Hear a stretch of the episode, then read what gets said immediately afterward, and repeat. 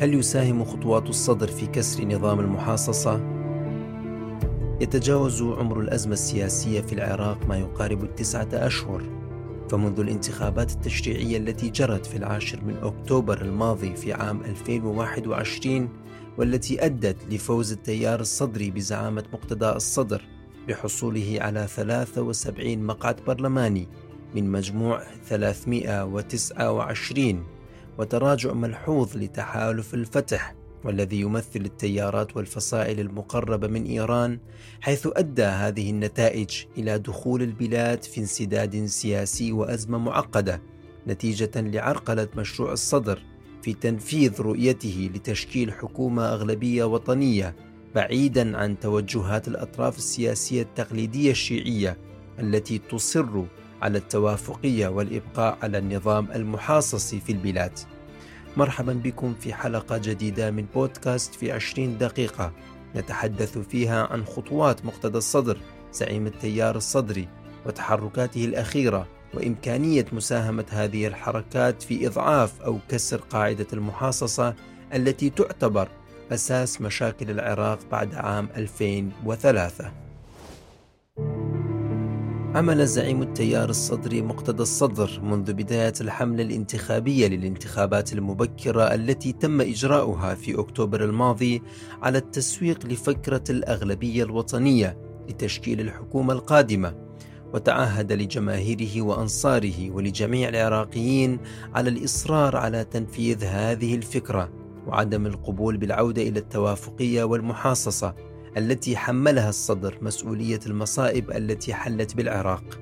وبعد إعلان نتائج الانتخابات المبكرة أكد الصدر مجددا على المضي في هذا المشروع عن طريق تأسيس تحالف سياسي مع أطراف سنية وكردية تمهد لتشكيل هذه الحكومة ورفض مشاركة بعض الوجوه السياسية التقليدية مثل نور المالكي في تشكيلة الحكومة الجديدة التي سيقوم بتأسيسها.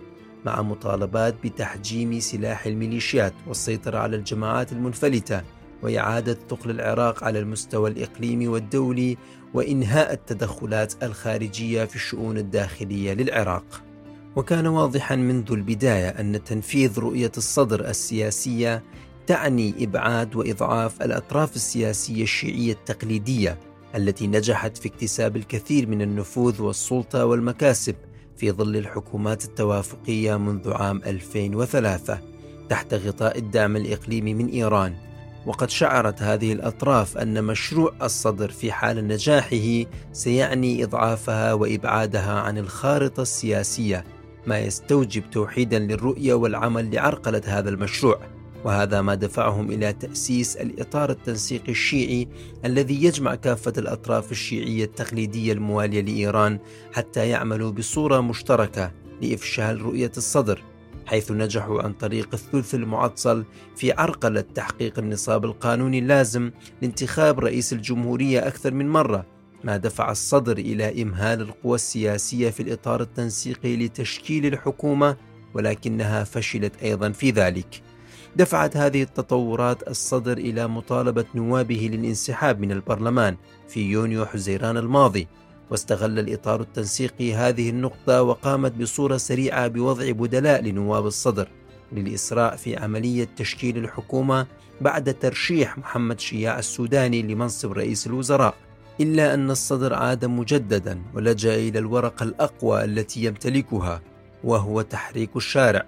حيث وجه أنصاره لاقتحام المنطقة الخضراء ومقر البرلمان احتجاجا على ترشيح السوداني مع ترديد أنصاره هتافات ضد قوى الإطار التنسيقي. واعتبر التيار هذه الخطوة تحريرا للمنطقة الخضراء وثورة إصلاح ورفض للضيم والفساد.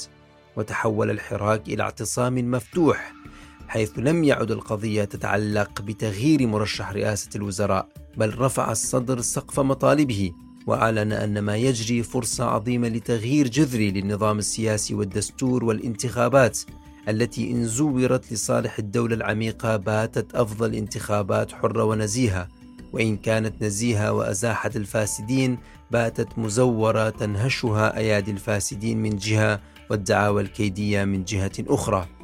وقد خاطب الصدر الشعب العراقي بالقول يا أيها الشعب الأبي الحر المحب للإصلاح والديمقراطية والمواطنة والقانون والاستقلال والسيادة والهيبة وحصر السلاح بيد الدولة القوية الأبوية تفرض القانون على نفسها قبل الفقراء ولا تستثني المتنفذين والميليشيات وما شاكل ذلك. إنكم جميعا مسؤولون وكلكم على المحك.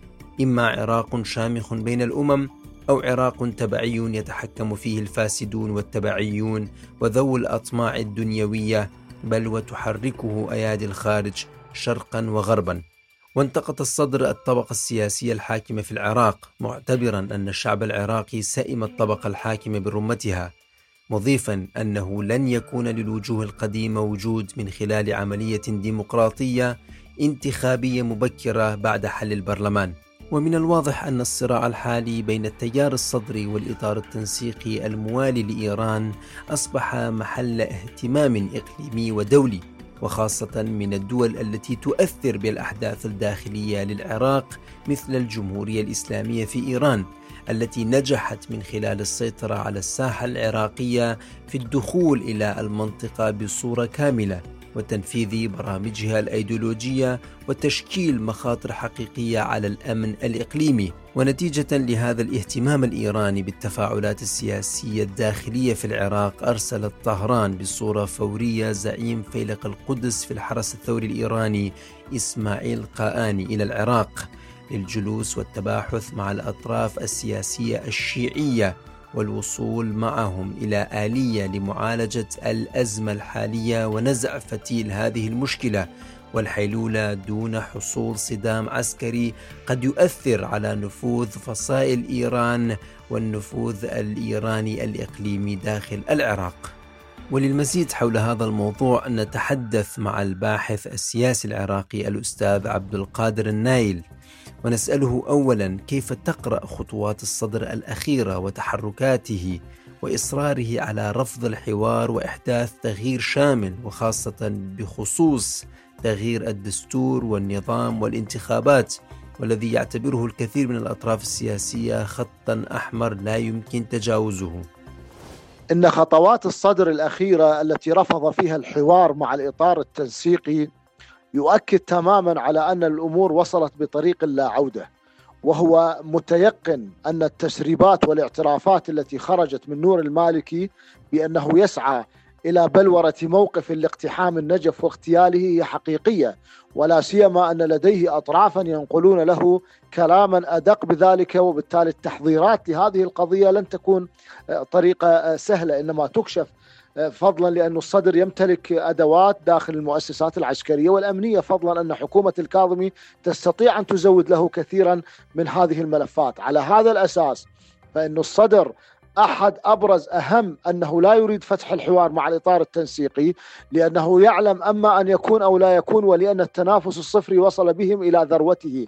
وبالتالي هو يعلم أن إذا تراجع عن جميع المحاور التي تبناها فإنه حقيقة ينهي نفسه بنفسه سياسيا لأن هؤلاء يسعون إلى إنهاء الصدر فهم يتحالفون جميعا لأنهم يعلمون أنه البديل والضد النوعي لهم فضلا على أن مشروع الصدر يسير نحو خطين متوازيين كليهما يصب في صالح زعامة الصدر للمكون الشيعي. فالصدر يسعى إلى أن يكون هو مرجعية النجف القادمة امتدادا لوالده الذي كان هو المرجع الموجود. وبالتالي هنا نتكلم عن منافسة ما بين حقيقة مدرستين. مدرسة تميل إلى أن يكون شخصا عربيا ذو أصول عربية معلوم هو يكون مرجع النجف وإيران وقم تدعم باتجاه أن يكون المرجع بعيد عن العرب. وهذا التنافس حقيقة يعني يخشاه عمار الحكيم تحديدا لأنه يعلم تماما أن هذه نهايته وهناك أطراف أخرى أيضا تشعر بهذا الخطر إذا ما تسلم الملف الديني وأصبح يعني مصاريف الخمس والأملاك التي برعاية الحوزة كلها ستكون تحت تصرف الصدر. هذا يؤكد على أنه سيكون الشارع الجنوبي في العراق يعني يمتلكه فضلا عن تأثيره القرار في مجمل العالم باتجاه الشيعة. وبالتالي هذا ما لا يريدونه الاطار التنسيقي والمالكي تحديدا. لأن هذا يقتضي أيضا السيطرة على الحكومة والملف السياسي وإدارة المحافظات المحلية في جنوب العراق وهذا حقيقة كله يدعم على أن هؤلاء يريدون إنهاء الصدر سياسيا وجماهيريا وفضلا على أنه الوحيد الذي يمتلك الساحة الجماهيرية الفعلية. بهذا الإطار هم يسعون إلى إنهائه وهذه القضية مهما بلغت يعني من عمليات التهدئة أو كلام معسول من قادة الإطار لا يثق به الصدر لأنه لأنه يعلم ماذا يريدون وماذا يرسمون من أعمال تفيد بإنهاء الصدر وتياره. وبالتالي هناك تجربة قاسية فيما مضى حيث كان الصدر ممن طرده المالكي وهجره أربع سنوات ومنعه من دخول العراق بمذكرة قبض فضلا على اعتقال أنصاره. وبالتالي هذا كله حقيقة يفضي إلى عملية عدم قبول الصدر للحوار معهم. وثانيا يرى بعض الخبراء أن خطوات السيد مقتدى الصدر قد تساهم في إضعاف نظام المحاصصة والتوافقية في العراق وخاصة أنه حمل هذا النظام المحاصصي مسؤولية ما وقع من مشاكل ومصائب على العراق والعراقيين إلى أي درجة ترى أن خطوات الصدر قد تساهم في كسر أو إضعاف نظام المحاصصة في ظل الأوضاع الراهنة الخطوات التي فعلها الصدر باقتحام البرلمان وبالتالي انسحابه وإصراره على أن تكون هذه القضية قضية محاصصة طائفية وإن كان هناك بعض الاتهامات التي تؤكد على أنه شارك حكومة الطائفيين وشارك حكومة المحاصصة لكن الآن أن تصل متاخرا خيرا من أن لا تصل. هذه بالنهاية يعني اضعفت النظام الطائفي العراقيين يعلمون بهذا النظام ولا سيما أن ثورة تشرين كانت واضحة تماما بأنهم أخرجوا النظام الطائفي وفضحوه وكشفوه لكن اليوم خطوات الصدر أضعفته كثيرا على المستوى العالمي والدولي وحتى احرجت الولايات المتحدة الراعي الرسمي لهذا النظام قبيل تشكيله بعد الاحتلال في عام 2003 الذي جعل بول بريمر من سلطة الاحتلال مجلسا للحكم قسم فيه على أهوائه بدون نسب علمية قسم مكونات الشعب العراقي ومنحهم مناصب. وإلى هذه اللحظة الشعب العراقي يخضع لهذه النسب التي رسمها بول بريمر. لذلك هو الذي هو أيضا مدته عشرون عاما سينتهي في كما منصوص عليه سينتهي في منتصف 2023 لذلك حقيقة هذه الخطوات والمطالبات الأخيرة بحل البرلمان وكتابة دستور جديد وعدم مشاركة الفاسدين. هذه كلها خطوات إن بقت على حالها وأصر الصدر عليها. بالتأكيد هي وجهت ضربة قاسية على نظام المحاصصات الطائفية الذي يعني دمر العراق وبالتالي هو لا زال يتحكم برقاب العراقيين. وأخيرا ما هي أدوات الإطار التنسيقي في عرقلة مشاريع الصدر ورؤيته للمرحلة القادمة ومواجهته من خلالها في حال عدم تراجع السيد مقتدى عن مطالبه وإصراره على تحقيق فكرة الأغلبية الوطنية وكسر المحاصصة هناك كثير من الأدوات التي يمتلكها الإطار التنسيقي. الإطار التنسيقي يمتلك الميليشيات المسلحة والاغتيالات. وبالتالي هو يحاول حقيقة يعني الضغط أيضا على الأحزاب المشاركة بالعملية السياسية. التي يمكن انه يعزف على أوتار متعددة كيعزف على مع مثلا من المكونات التي تمثل السنة على أنهم لن يكون لديهم دور إذا ذهبنا إلى خيارات الصدر وسيعزف على أن الدستور سيكون كارثة إذا تم تغييره لأن هناك مصالح موجودة للمكا للأطراف السياسية الكردية. لذلك هو سيعزف على هذه القضيتين ومن ثم أن المواجهة المسلحة هي من ضمن تخطيطات الإطار التنسيقي في عرقلة ما يريده الصدر من إنتاج عملية سياسية جديدة، لذلك للشعب العراقي قولته وبالتالي التصعيد مستمر وأتوقع أن يكون هناك يعني ربما كسر عصا ما بين الإطار والصدر قريبا لأن الإطار حقيقة مصممون على أنهم يستطيعون لي أذرع مقتدى الصدر من خلال ميليشياتهم المسلحة.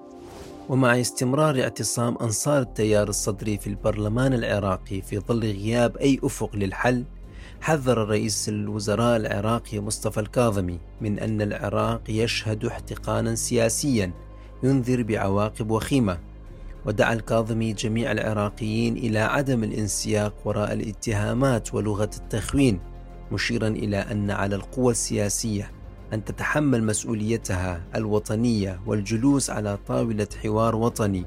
يضم ممثلين عن كافة الأطراف لوضع خارطة طريق للحل. كما أضاف أنه حان الوقت لإطلاق مشروع إصلاحي تتفق عليه مختلف الأطراف العراقية.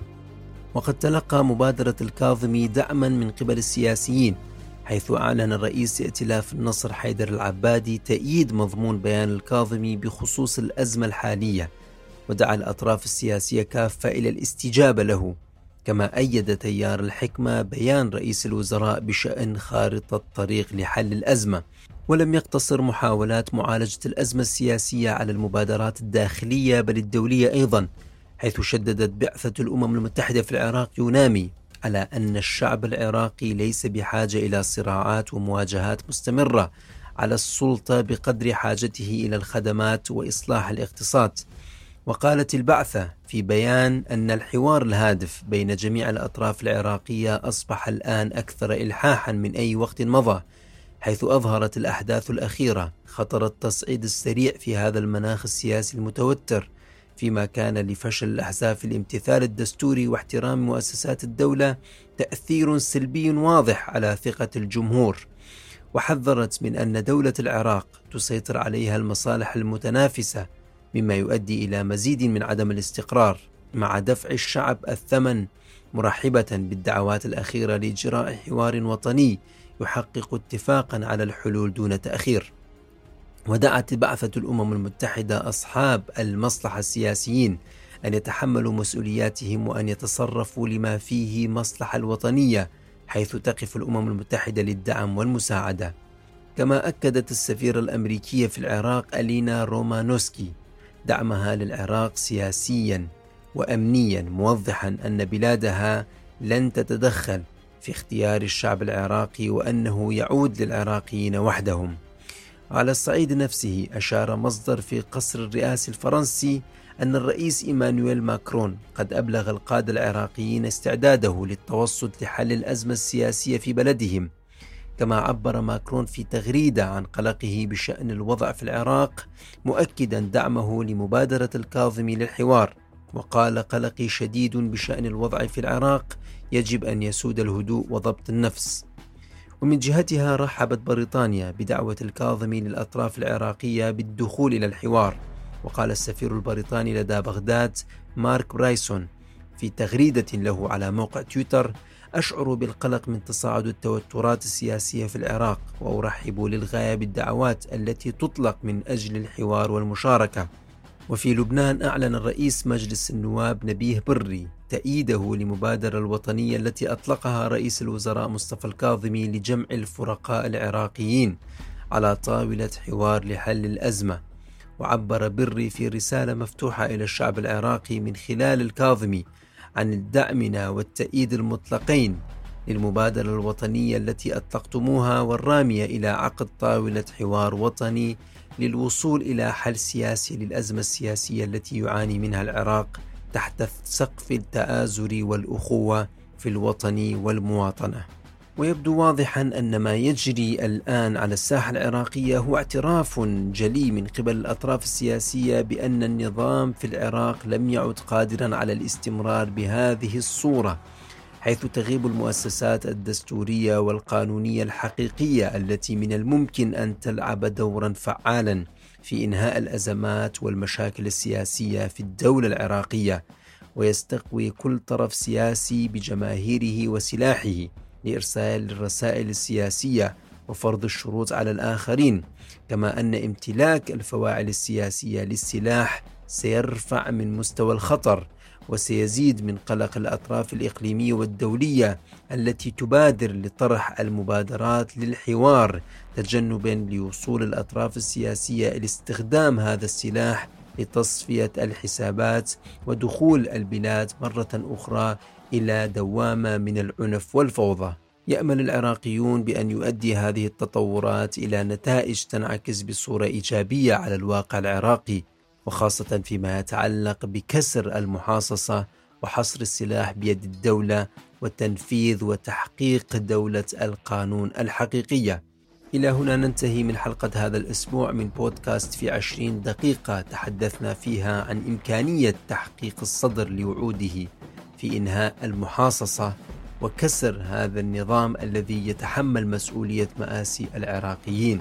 في ظل العراقيل الداخلية والخارجية التي تمنع التغيير الإيجابي الحقيقي الذي يصب في مصلحة العراق دولة وشعبا شكرا لكم لحسن الاستماع وإلى اللقاء في الحلقات القادمة.